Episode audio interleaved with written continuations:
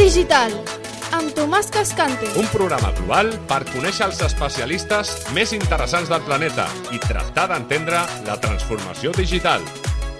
El món és digital. El món és digital, El món és digital. amb Tomàs Cascante.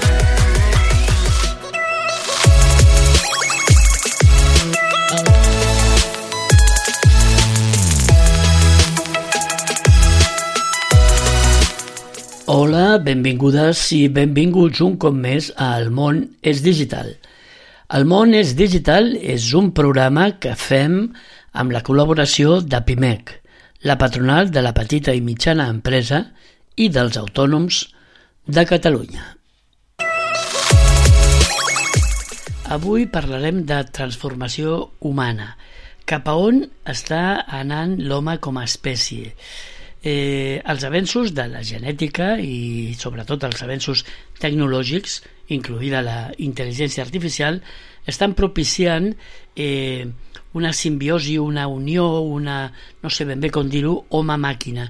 I això ens porta doncs, a, a realment voler estudiar o voler saber eh, cap, a on, cap a on aquestes tendències eh, aniran hi ha uns moviments, eh, posthumanisme, transhumanisme, que, que estudien a fons aquests temes.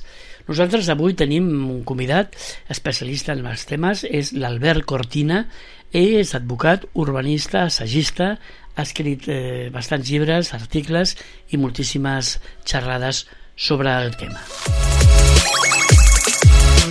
Bé, Albert, doncs, eh, abans de res, donar-te la benvinguda al nostre programa. Ens feia il·lusió realment que tornessis per aquests micròfons.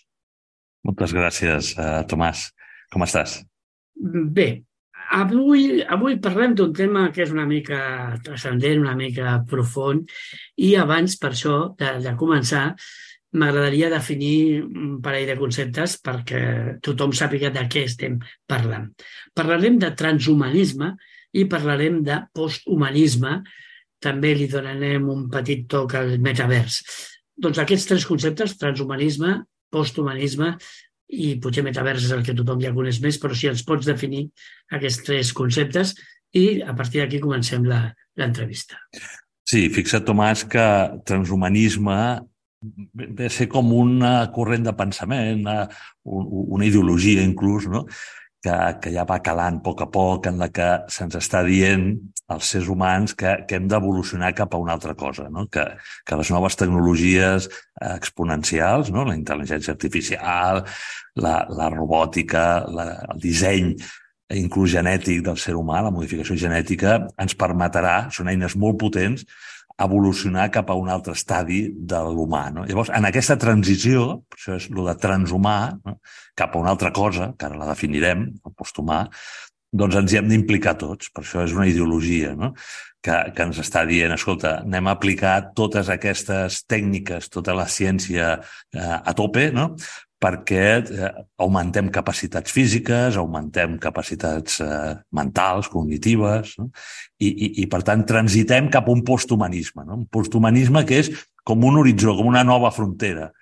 És, és, és un desig, quasi una utopia, no? I, i, i també podria ser una gran distopia, en la qual ens hibridarem, diu el moviment transhumanista, amb la màquina, amb lo inert, amb la intel·ligència artificial, per tant, la nostra, les nostres neurones, per dir-ho d'alguna manera, s'hibridaran amb aquestes neurones artificials, aquesta intel·ligència artificial, amb la màquina, i per tant serem molt més eh, de lo que ha estat fins ara amb l'evolució biològica natural, no? inclús la cultura, eh, fins on hem arribat avui. No? És a dir, un, un superhome, un, algú que, que d'alguna manera tingui unes capacitats que ni ens les podem imaginar. Les pel·lícules són molt bones per això, no? les pel·lícules de ciència-ficció o la, o la literatura. No?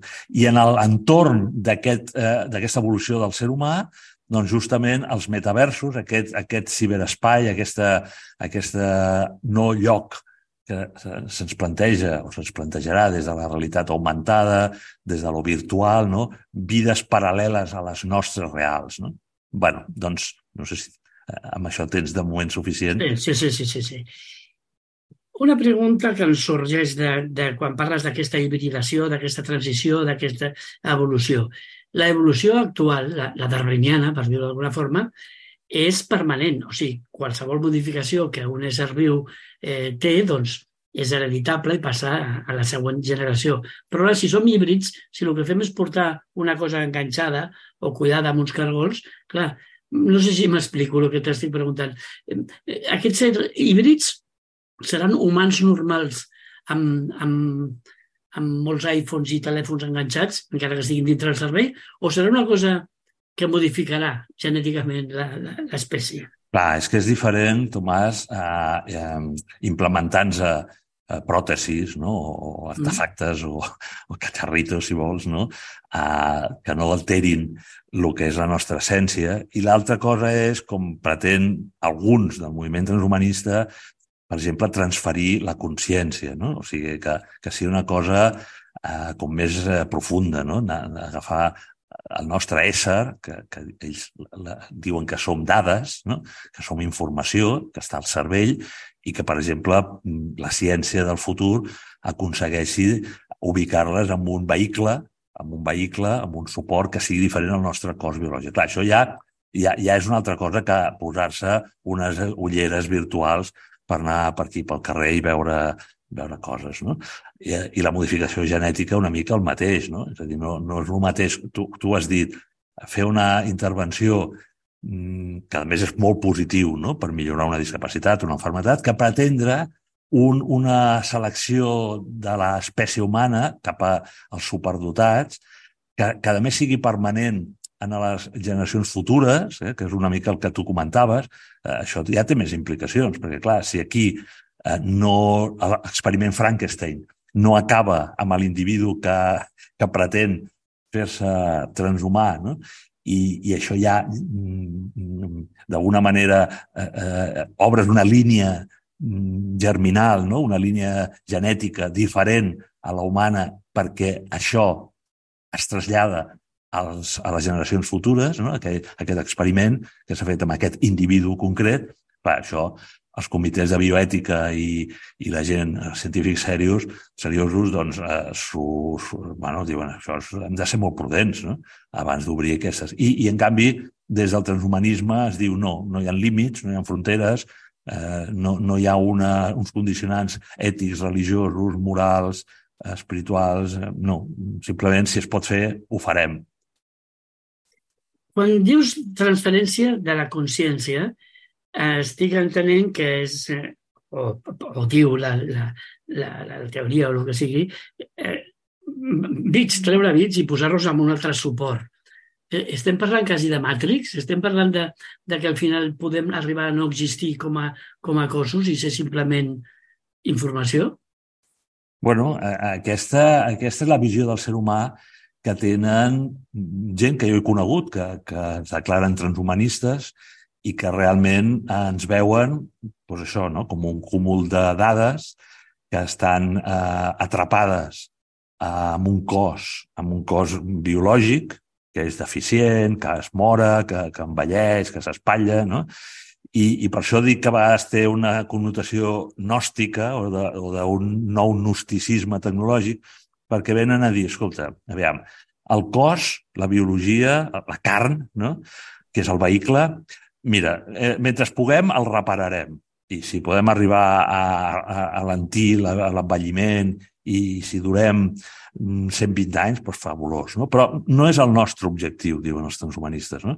El nostre objectiu final, quasi místic, eh? Vull dir, perquè hi ha molta, molta visió mística religiosa, és escolta, doncs eh, transferim aquesta, aquesta ment amb un altre suport que no sigui biològic, no? que sigui doncs, eh, hologràfic o, o inert. No? I aquest és un punt bueno, que, ens ho, que tenim que pensar més. No? És que sí, evident.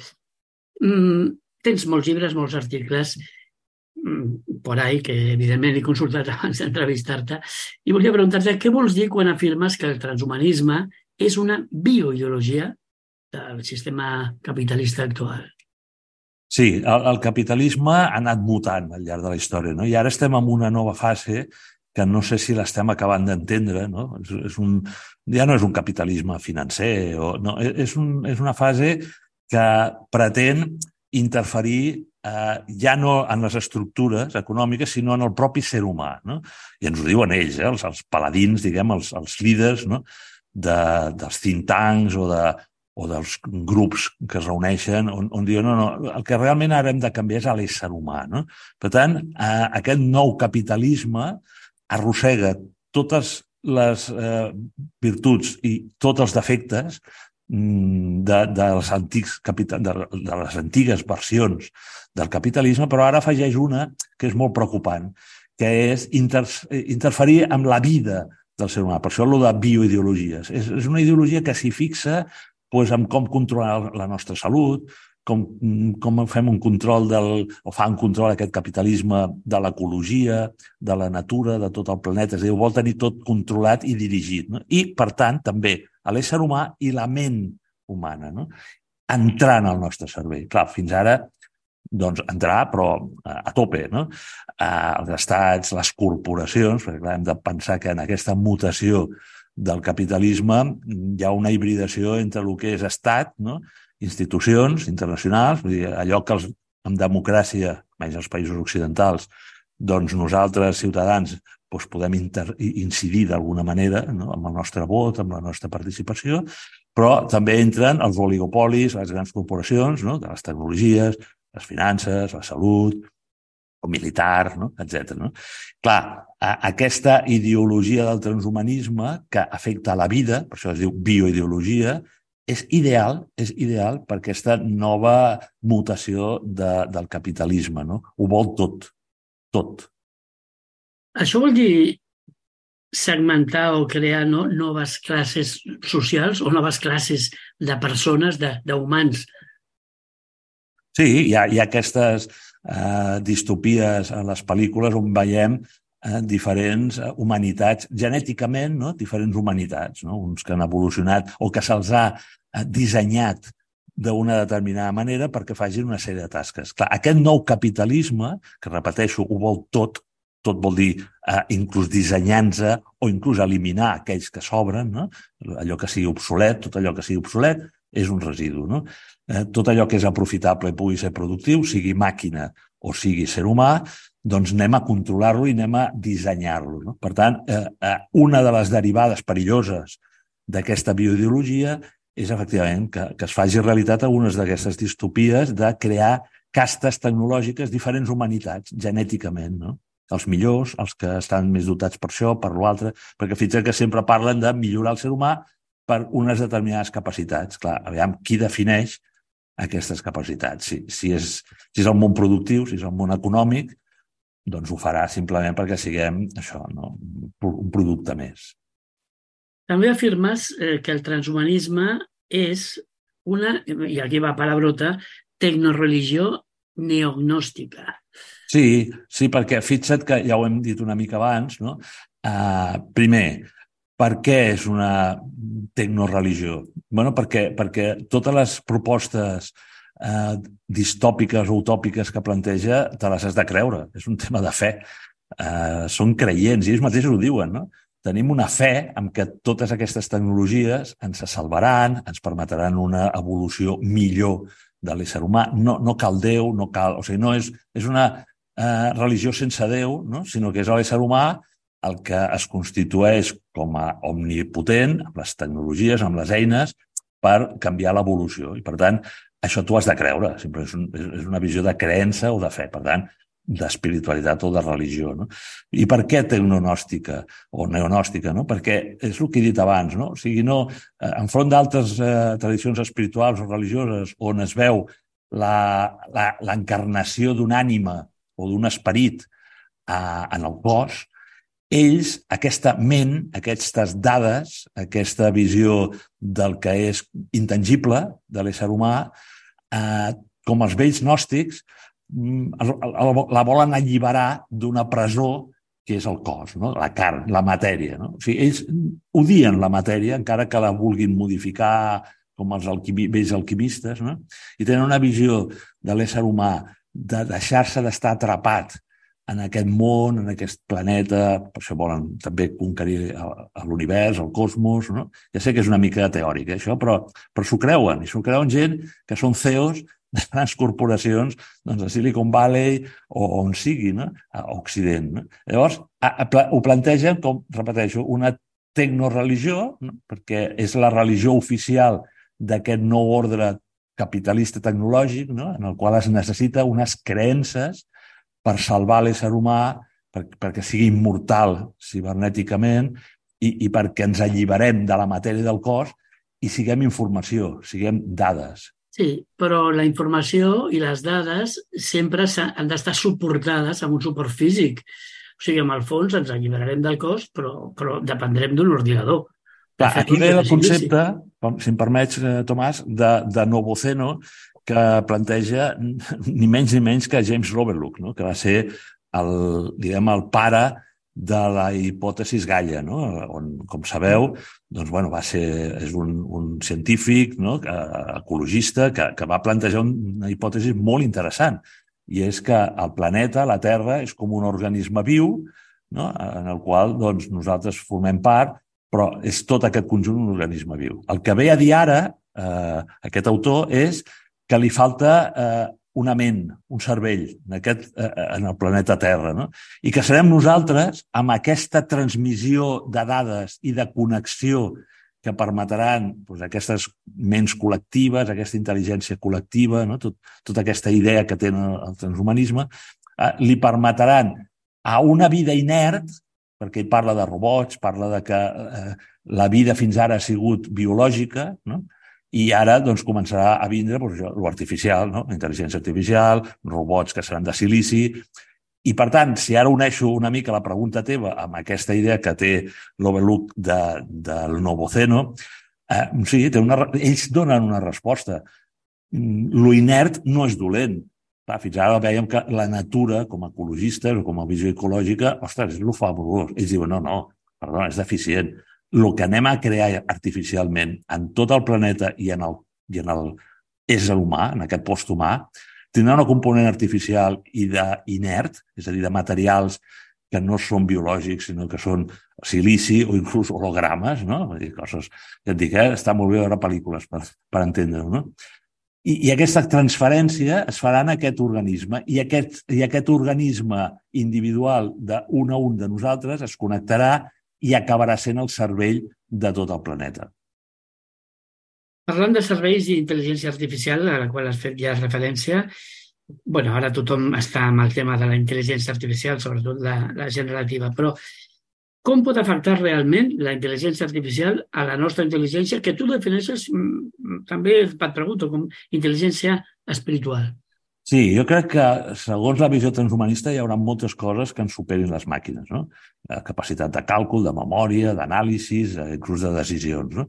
Però hi ha una, des de la meva visió, no? des de la meva cosmovisió, que és l'espiritual, que comparteixo segurament amb molts dels que ens estan sentint, que jo crec que no és reproduïble en, una, en un robot o en un posthumà, no? és propi, constitutiu de l'ésser humà, la, la, la consciència, la visió espiritual de l'ésser humà. Això configura una intel·ligència, si vols dir-ho així, no? és a dir, una, algo que és propi. No? Els animals no ho tenen, les plantes tampoc, i no ho tindran tampoc els robots. No? Això és una afirmació molt rotunda, però que faig. No? Llavors, entenent que som éssers espirituals, no? a més de biològics, la pregunta que, que jo em faig és, bueno, i aquesta intel·ligència artificial que pretén superar a la nostra intel·ligència humana en tants camps, arribarà a afectar aquesta que és constitutiva, exclusiva de l'ésser humà? La meva resposta és que no. Però hi ha molta gent que està plantejant ara com una sèrie de noves religions, sobretot als Estats Units, no? religions de la intel·ligència artificial. És a dir, fer que la intel·ligència artificial sigui Déu, perquè, clar, ens semblarà tan omnipotent eh, tan sàvia a, a la qual li, li demanarem tot, li donarem tot, necessitarem que ens decideixi sobre tantes coses, ens salvarà, diuen ells, no? que, que li donen una connotació quasi de Déu, no? d'aquesta intel·ligència suprema que des del meu punt de vista, una visió diguem, més espiritual, doncs és obra no de les màquines, sinó del creador, no? del cosmos i de nosaltres mateixos, no? que, que com a partíceps d'aquesta intel·ligència divina, no? si li vols dir així, doncs som especials, som exclusius. Clar, aquesta pregunta és bàsica, no? perquè en el moment que pretenen alguns inclús fer textos sagrats no? Harail, no? l'autor d'Homo Deus, no? diu, no, no, és que eh, la, el chatbot aquest GPT doncs ens farà nous textos sagrats, una bíblia nova, interpretarà tots els textos de les tradicions espirituals cap a una nova, inclús religió, que és aquesta que et dic, neonòstica. No? bueno, és un tema a reflexionar, perquè sembla que no té importància, però al final el món i els poders eh, es mouen també per aquesta, no, no, també, sobretot per una dimensió del control de l'espiritualitat i de les consciències de, de les persones. No? Estem arribant al final del programa, interessantíssim, llàstima que no tinguem més temps.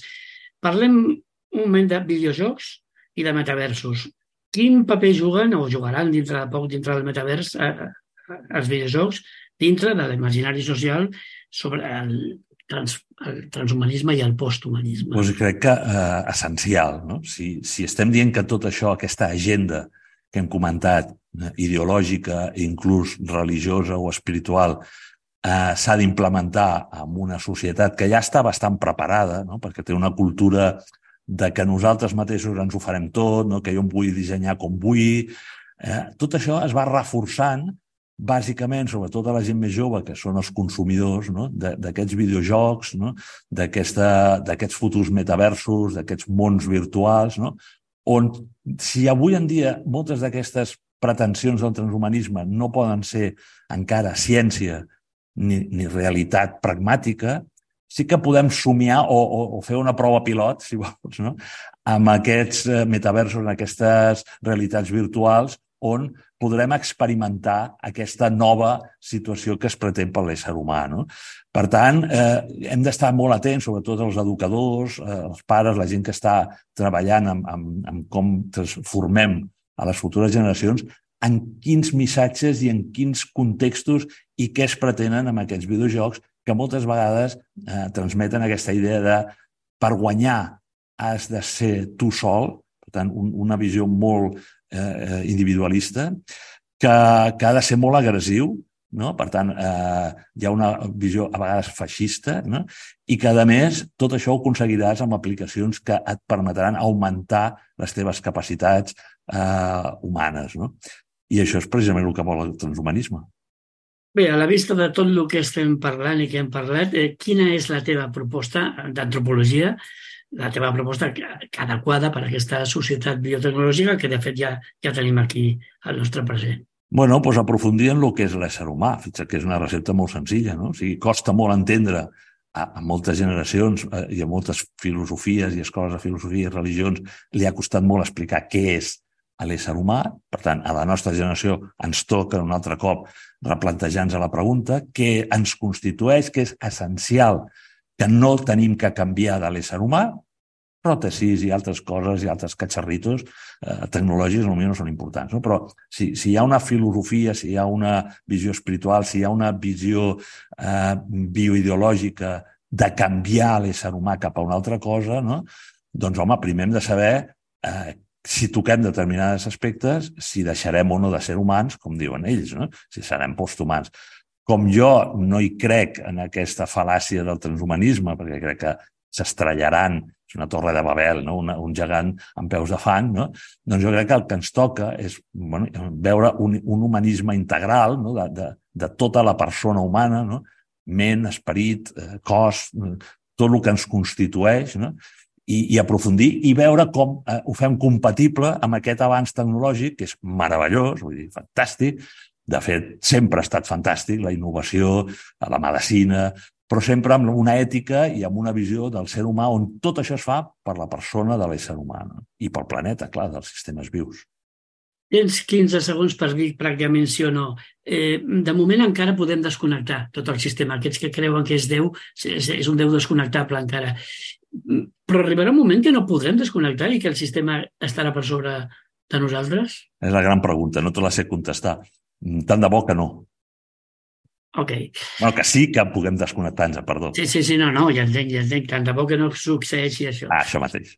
Bé, doncs Albert, moltíssimes gràcies per estar aquí. Insisteixo en que llàstima que només hem tingut aquests minuts i d'aquí res, d'aquí sis mesos torno perquè això va a una velocitat que segurament el panorama serà molt diferent. Gràcies a tu, Tomàs, perquè sempre estàs interessat en aquests temes i sempre ens quedem curts. El món és digital. Amb Tomàs Cascante.